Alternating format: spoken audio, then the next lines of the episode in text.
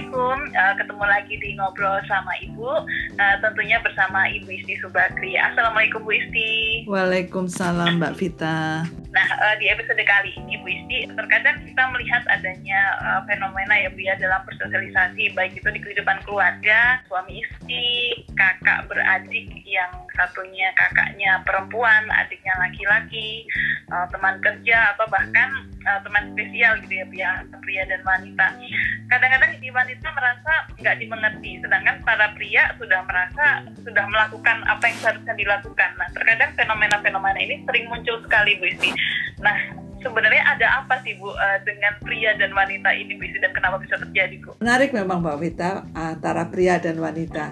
Karena kalau kita cermati memang kadangkala pria dan wanita ini ada perbedaan-perbedaannya. Bisa saling melengkapi kalau kita sama-sama paham, tetapi bisa menjadi sebuah gesekan apabila kita tidak saling memahami. Kalau kita lihat dari struktur otaknya Mbak, antara laki-laki dan perempuan itu memang berbeda. Dan ini nanti akan membawa dampak terhadap perilaku antara pria dan wanita. Kalau kita lihat, yang pertama adalah berdasarkan hasil MRI gitu ya Mbak ya, antara otak ya. kiri, belahan otak kiri dan belahan otak kanan itu ada saraf-saraf di tengah yang seolah-olah sebagai otak tengah atau di dalam bahasa latinnya disebut corpus callosum itu memang berbeda.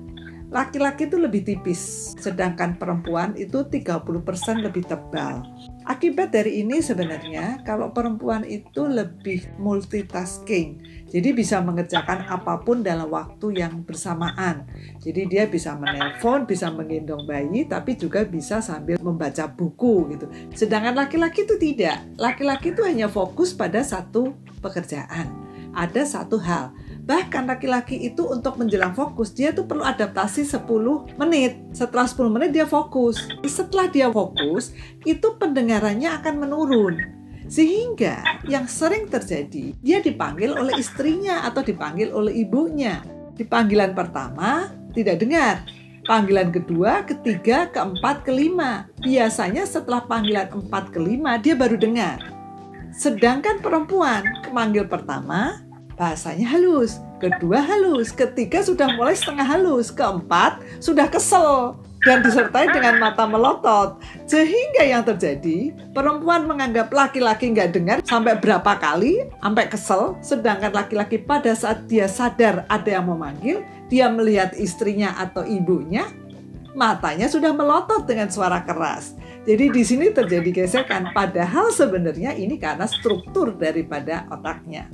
Contoh yang lain adalah terkait dengan ini, jadi kalau laki-laki itu berpikir, itu hanya berpikir menggunakan satu sisi otak saja, tidak bisa bolak-balik. Laki-laki lebih fokus, jadi kalau misalnya memutuskan, dia lebih melihat pada pokok permasalahan. Sedangkan wanita itu bisa melihatnya banyak hal gitu, sehingga butuh waktu yang lebih lama. Jadi kalau laki-laki itu berpikir, itu hanya berpikir menggunakan satu sisi otak saja, tidak bisa bolak-balik. Sedangkan perempuan tidak, karena tadi otak tengahnya itu tebal, sehingga dia bisa berpikir tuh ke kiri ke kanan. Misalnya, kalau laki-laki lagi bicara begini, besok mau touring, yang dipikir laki-laki adalah hanya touring, persiapan touringnya, kemudian motornya bagaimana, yang terkait dengan touring saja. Sedangkan kalau dia bicara dengan perempuan, yang yang diingat perempuan tuh semuanya. Jadi dia bilang, kamu touring, bagaimana besok yang jemput anak-anak siapa? Kemudian ada berapa orang yang ikut? Jadi banyak yang dipikirkan. Jadi antara otak kiri dan otak kanan semuanya itu nyala semua saraf-sarafnya. Yang kedua adalah tumbuh kembangnya otak itu sendiri. Kalau perempuan dari kecil otaknya ini udah seimbang kiri kanan. Jadi tumbuhnya ini seimbang kiri dan kanan. Sedangkan laki-laki belahan kanannya lebih dulu, kirinya menyusul. Ini akibatnya, Mbak. Nampak pada waktu kita masih SD, SMP, anak perempuan ya. nampak lebih pintar. Kenapa? Karena dia menggunakan semua sisi dia bisa optimal. Sedangkan laki-laki dia cenderung santai gitu ya. Uh, Kok belajarnya tidak optimal. Baru nanti biasanya masa-masa SMA, anak laki-laki ini bisa mengejar. Sehingga pada waktu SD itu yang nampak di kelas wanitanya yang lebih pintar, tapi pada waktu SMA sudah mulai laki-laki bisa menyalip. Yang ketiga adalah fungsi bahasanya, Mbak.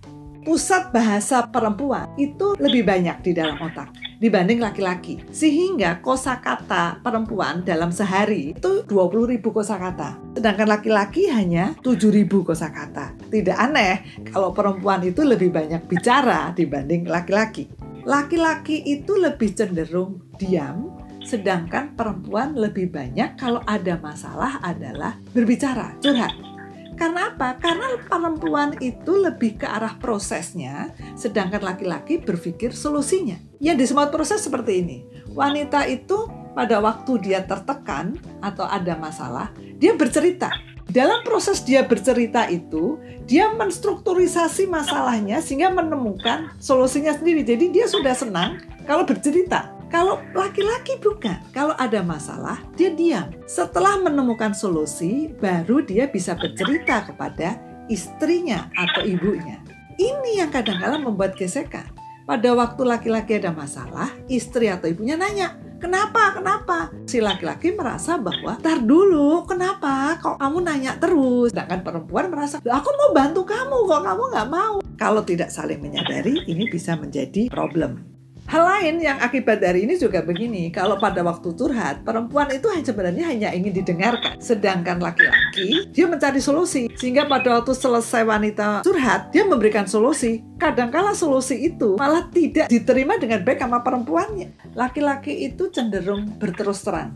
Jadi kalau dia memang ada masalah atau ada hal apa, dia menyatakan dengan terus terang Sedangkan perempuan dengan bahasa-bahasa sandi atau memberikan tanda-tanda. Nah ini kadang-kadang terjadi konflik. Kalau perempuan pengen kopi, perempuan suka bilang gini, kamu mau kopi gitu ya. Ini si prianya, ini kan tetap menyetir enggak gitu. Karena dia merasa dia ditanya dia mau kopi atau tidak gitu. Tiba-tiba si wanitanya tadi kok diam. Yang mengemudi tadi bilang kenapa dia marah? Ya habis kamu nggak mau berhenti. Loh emang kenapa? Ternyata si wanitanya tadi pengen kopi sebenarnya, tetapi yang laki-laki tidak mengerti. Hal ini sering timbul karena memang perbedaan antara laki dan perempuan. Kira-kira demikian Mbak Vita. Baik, sangat menarik sekali dan unik ya Bu ya. Para sahabat, jangan khawatir jika sahabat ada pertanyaan, topik juga yang ingin diangkat seputar pendidikan, hubungan keluarga, teman, pasangan itu bisa ketik di kolom komen atau melalui email kami di ngobrol sama ibu gmail.com. Terima kasih banyak Bu Isi uh, untuk sharingnya hari ini dan jangan lupa para sahabat untuk bisa subscribe, like dan share ngobrol sama ibu. Assalamualaikum warahmatullahi wabarakatuh.